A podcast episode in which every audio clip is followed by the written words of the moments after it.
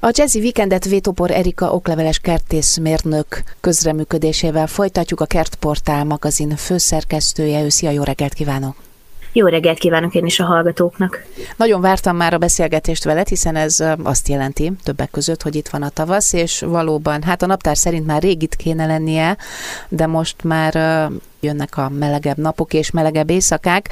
Ugye az elmúlt időszakban elég sok fagyos hetünk volt már, ami a sötétebb órákat illeti, és én úgy veszem észre, hogy a természet egy picit, hanem inkább néhány hetet elmaradt. Így van ez? Igen, bár az, az is igazság, hogy ilyenkor azért ez még nagyon csalóka. Ugye klasszikusan ebben az időszakban jönnek be az olvasói kérdések hozzánk is, hogy kitehetem-e már a leándert. Az mindig azt jelenti, hogy az embereknek már egy kicsit úgy sok ez a tél, és szeretnének már ugye kifelé menni, és ilyenkor mindig azt tudom válaszolni, hogy persze kirakhatod, ha este visszaviszed ennek az az egyik oka, hogy ugye napközben már eléggé meleg van, tehát most itt, amiket mondtak, azért tényleg jósoltak már ilyen 20 fokot is, ez azért nem jelenti azt, hogy tartósan ez ennyi lesz, illetve az sem feltétlenül jelenti, hogy éjszaka nem fordul át helyenként az ország bizonyos részeiben mondjuk mínuszba.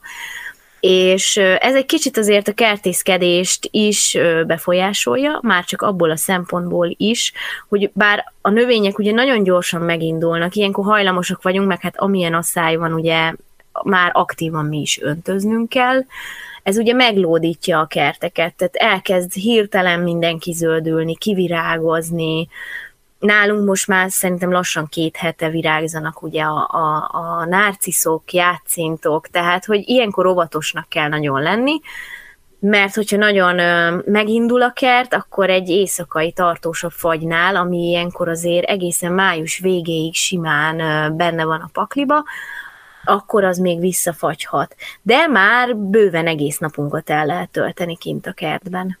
Hát igen, ahogy mondod, jó magam is, és hát sokan menekülünk ki a kertbe, ugye mostanában az internet mellől. Tehát az eddigi kemény fagyok, amik talán most azért a héten már végleg elmúlnak ezek a mínusz 5, mínusz 10 fokok, aztán még persze ki tudja, hogy mit hoz a tavasz. Ezek még nem akasztottak, nem tettek tönkre semmit, hiszen előtte nem volt egy melegebb időszak, egy picit úgy kategorizáljunk, hogy akkor most milyen nagy munkacsoportok következhetnek így az előttünk álló, hát most már áprilisban.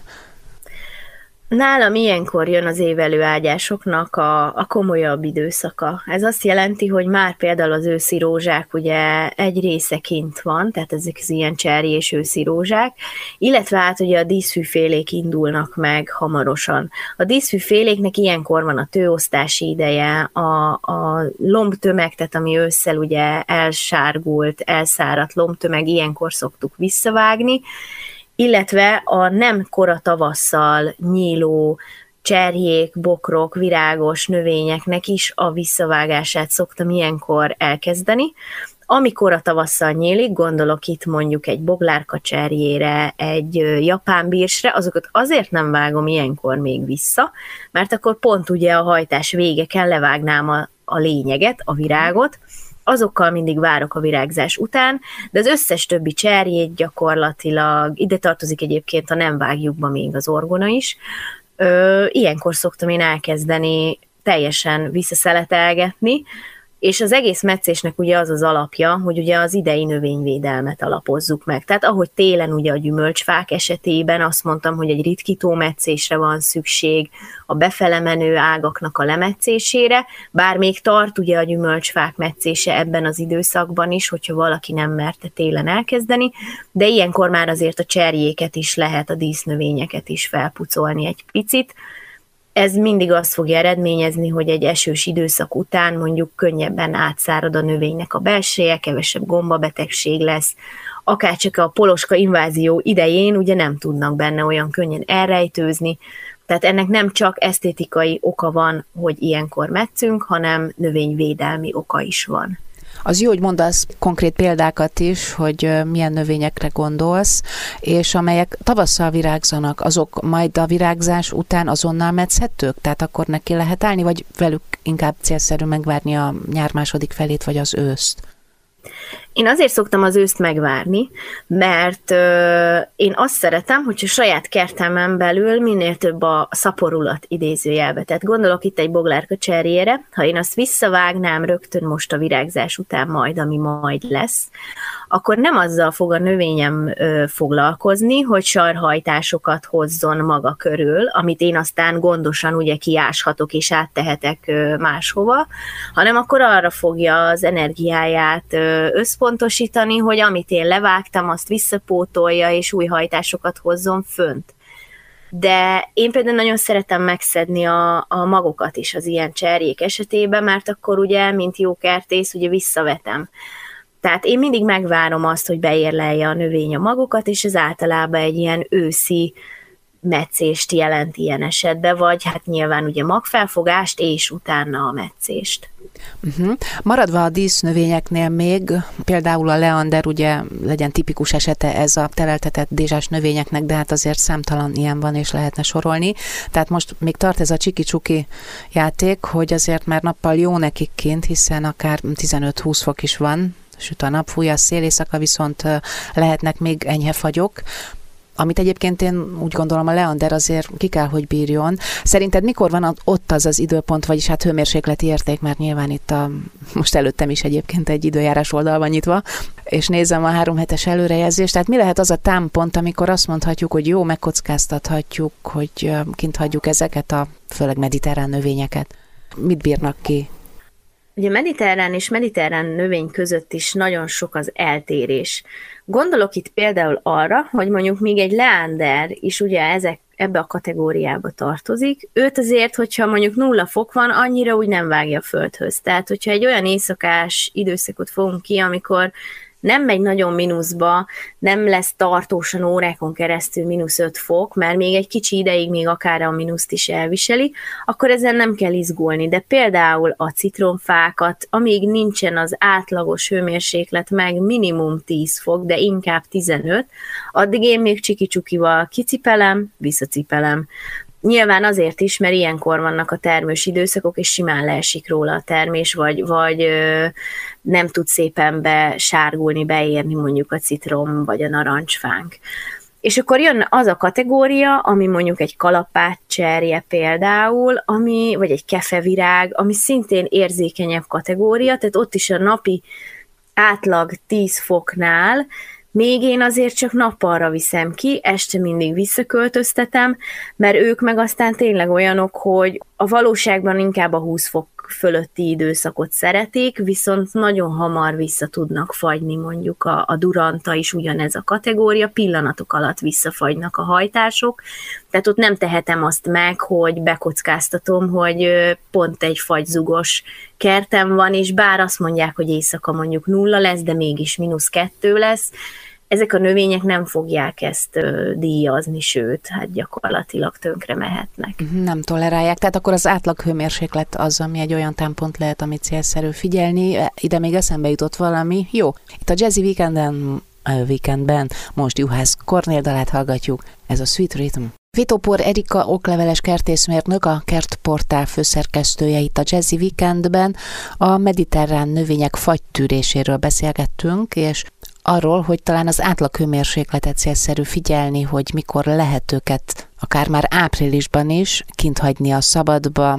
Ezzel a Leonderes sztorival kapcsolatban tudok mondani egy extrém példát. Én kísérleteztem most ezen a télen, van egy hát jó pár termetes, nagyméretű növényem, és az egyikkel megkockáztattam azt, hogy képzeld el, hogy kiástam a kertbe, szabad földbe, és eldöntöttem, hogy kint is hagyom lesz, ami lesz egész télen, tehát kint volt, azzal, hogy a férjem ácsolt köré egy ilyen fa vázat, a tövét alaposan betakartuk trágyával, egy ilyen nagy mezőgazdasági ponyvát húztunk rá az extrém fagyos napokon, és hát azt nem mondom, hogy kutyabaja, mert a levelei azért eléggé megsínylették, de nem dobálta el, de azt majdnem biztosra mondom, hogy az ki fog tőről, nem tőről, tehát az ágak is élnek, hajtani. Tehát jelentem, méretes leanderem túlélte a Dunán túlitelet. A leander az egy annyiban érdekes növény, hogy egyébként vannak neki télálló fajtái. Az idei tél sem volt amúgy problémás, tehát hogy, hogy idén egy nagyon enyhe telet tudunk magunkénak, és én tavaly jártam egyébként úgy, hogy egyik éjszaka kint felejtettem, mínusz 10 fok volt, és mondtuk, hogy hú, hát ez ebből biztos kuka, és le is száradtak egyébként a leandernek a levelei, és hátra vittem a komposztra, hátra talicskáztam cserepestől mindenestül, nagyon alaposan visszavágtam, és körülbelül így mondanám azt, hogy el is felejtettem, tehát, hogy még szinte locsolás sem kapott, és egyszer csak észrevettem, amikor így ugyanígy vittem hátra a komposzthoz valamit, hogy jé, hát ezen új levelek vannak. Uh-huh. Tehát a leander az egy, az egy jó strapabíró növény ilyen szempontból, tehát nem feltétlenül mérvadó, abban az esetben, hogy a mediterránok mit bírnak, mert egy citromnál ez, ez biztos tuti halál lett volna az Aha. az éjszaka például. Még egy éjszaka is, hát még egy egész tél. Több helyen látom egyébként, hogy nem kint felejtve, de kint vannak télen is a leanderek, lehet úgy vannak vele, hogy hát lesz vele, ami lesz, de talán szoktatni is lehet őket, nem? Tehát, hogy képesek bizonyos szintig alkalmazkodni, meg hát sajnos ugye a felmelegedés, tehát, hogy lassan alkalmassá válnak a teleink arra, hogy mint látjuk, kint felejtődjön egy-egy amúgy úgy tudjuk érzékeny növény? Alapvetően igen, illetve hát minden kertnek szinte vannak mediterránabb részei, tehát ugye például nálunk is a füge nem véletlenül van a házhoz közeli, ültetve a házfal déli oldal elé, mert ott ugye a házból kisugárzó hő is segíti azt, hogy ilyenkor mondjuk egy, egy télálló, de nem fagytűrő növény, az például akár egy ilyen, ahogy te is mondtad, takarás alatt át, át tudjon telelni. De azért, hogyha ha mondjuk pont olyan a kert fekvése, vagy ahol tudom mondjuk tenni a, a, akár csak leándert, akár egy fügefát, egy kivit, tehát elég sok olyan növény van, egy magnólia is tipikusan az a példa, hogy kerten belül sem mindegy, hogy hova teszem, mert ha már pont egy fagyzugosabb csücsökbe kerül, akkor sokkal nagyobb kárt tud szenvedni még egy enyhe télen is mondjuk a növény, mint hogyha mondjuk a házfal közelébe a kisugárzó meleg hőt pluszba megkapná. Oké, okay. na a disznövényektől most búcsúzunk, és akkor egy picit meg kéne pörgetni, még két dologra szeretnék rátérni. Egyrészt említed a komposztot, ugye azzal is lesz tennivalónk, és a veteményes kerteknél pedig talán menjünk ebben a fordított sorrendben, rengeteg a munka, na. Rengeteg. Tehát ilyenkor gyakorlatilag mi most, hogy beszélünk, ki se látunk a kerti munkákból. Már a komposzt szerintem idén második körben van férjem által átpakolva. Ugye a, a palánta neveléshez is onnan szitáljuk át a, a földkeverékhez a komposztos talajunkat, tehát a komposzttal nagyon sok munka van már, ilyenkor ugye elkezdjük mi is öntözni ahhoz, hogy tökéletesen tudjon a, a bomlási folyamat végbe menni, megkapja az első baktériumos kezelését, ami szintén ugye a, az egészséges bomlást segíti, és hát ugye a palánta nevelés, ami, ami ilyenkor már igazán nagy attrakció egy, egy házi kertben is, hogy főleg, hogyha ugye konyhakertünk van, veteményünk van, már csak azért is, mert ugye nagyon sokan már amint lemegy a szilveszter, bennük van a bugi, hogy akkor most ők magvetnek, és ilyenkorra már majdnem ilyen derékigérő, felnyúrgult paradicsomjaik vannak, annak ellenére, hogy mindig mondjuk, hogy türelem, türelem, a kertészet kizárólag türelem,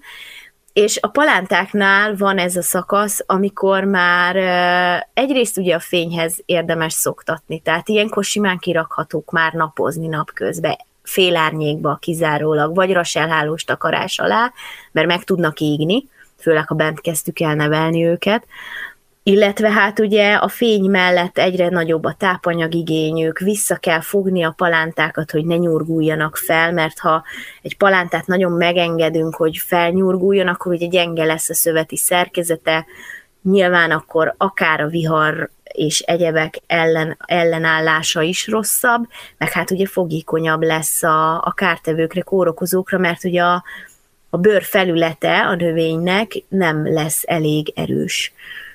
Plusz egy kérdés, amit soha nem hagyok ki, az a dió, ugye meg a kis kedvencünk a dió burok fúró légy. Ugye azt mondtad legutóbb, meg még összel is beszéltünk erről, hogy erre nem lehet elég korán gondolni. Tehát mire általában oda jutunk, hogy ja, akkor kezdjünk ezzel is valamit, azzal már el is késtünk. Hát aki eddig nem szedte össze a fa alól egyébként a levelet, meg a lehulló, elfeketedő dió maradékokat. Múmiákat. Igen, hát valami olyasmi, igen. Uh, akkor most már mindenképpen szedje össze, már ugye egész országban tűzgyújtási tilalom van, de hogyha mondjuk ki tudjuk szárítani, akkor azért egy fatüzelésű kájhába elégedhető, vagy mondjuk egy grillezésnél bedobható a tűzbe, ha olyan a mennyiség, ha nem, akkor kuka vagy, vagy egyebek, tehát az a megsemmisítős kategória, mert ilyenkor már bizony éled a természet, tehát már most lehet ugye kullancsot, bolhát, legyeket, tőzeglegyet, mindenfélét találni, és hát ez ugye a, a dióburokfúró légyre is igaz, és ugye azt, amit már ugye korábban beszéltünk, hogy ilyenkor érdekes ugye a lemosó permetezés és egyebek, mert mire észrevesszük, hogy gond van, az a kártevő ugye már jóval korábban ott volt jelen, és ugye a kezdődő diónál kell már növény védeni, és ugye hamarosan kezdődik a diónak a virágzási időszaka, tehát, hogy azért még nem vagyunk elkésve, de észné kell lenni Aha. ahhoz, hogy legyen szép dió. És ha lemosó permet nem csak a diónál, lemosó permet, ha valaki kedveli a biomegoldásokat, két komponens, hármat, gyorsan tudsz nekünk sorolni, hogy mihez nyúljunk, akár a fürdőszoba polcról? Hát én ilyenkor a, a fahéj és a teafaolajokat veszem elő egyébként, és ö, nagyjából olyan arányba, hogy ez a 3-5 ml illóolaj keverékként, tehát ugye a fahéj és a teafa keverékeként kerül bele mondjuk egy, egy 5 literes kézi permetezőbe, most direkt a háztáji léptéket mondom, és egy-két csepp mondjuk mosogatószer vagy szappan teszek bele, mert ugye el kell keverni, oldani kell valamivel ugye az illóolajat, meg egyébként ez egy tapadás segítő anyagként is tud ugye a permetezéskor funkcionálni, tehát erre megvannak nyilván a gazdabolti verziók is, de háztáiba ezt így tudjuk megoldani, és én minden, minden alkalommal este permetezem ki az illóolajos növényvédelemnél a készítményt, vagy hát ezt a keveréket, hogy ugye ne is tudjon perzselni már a kezdetleges virágoknál, a kezdetleges levélek esetében. Oké, okay, hát nagyon inspiráló beszélgetés volt, és sok hasznos tanácsot kaptunk, amit köszönünk szépen. Itt a Jazzy Weekendben vendégem Vétopor Erika okleveles kertészmérnök, a Kertportál magazin főszerkesztője volt. Jó munkát kívánok, találkozunk hamarosan ismét. Jó munkát mindenkinek!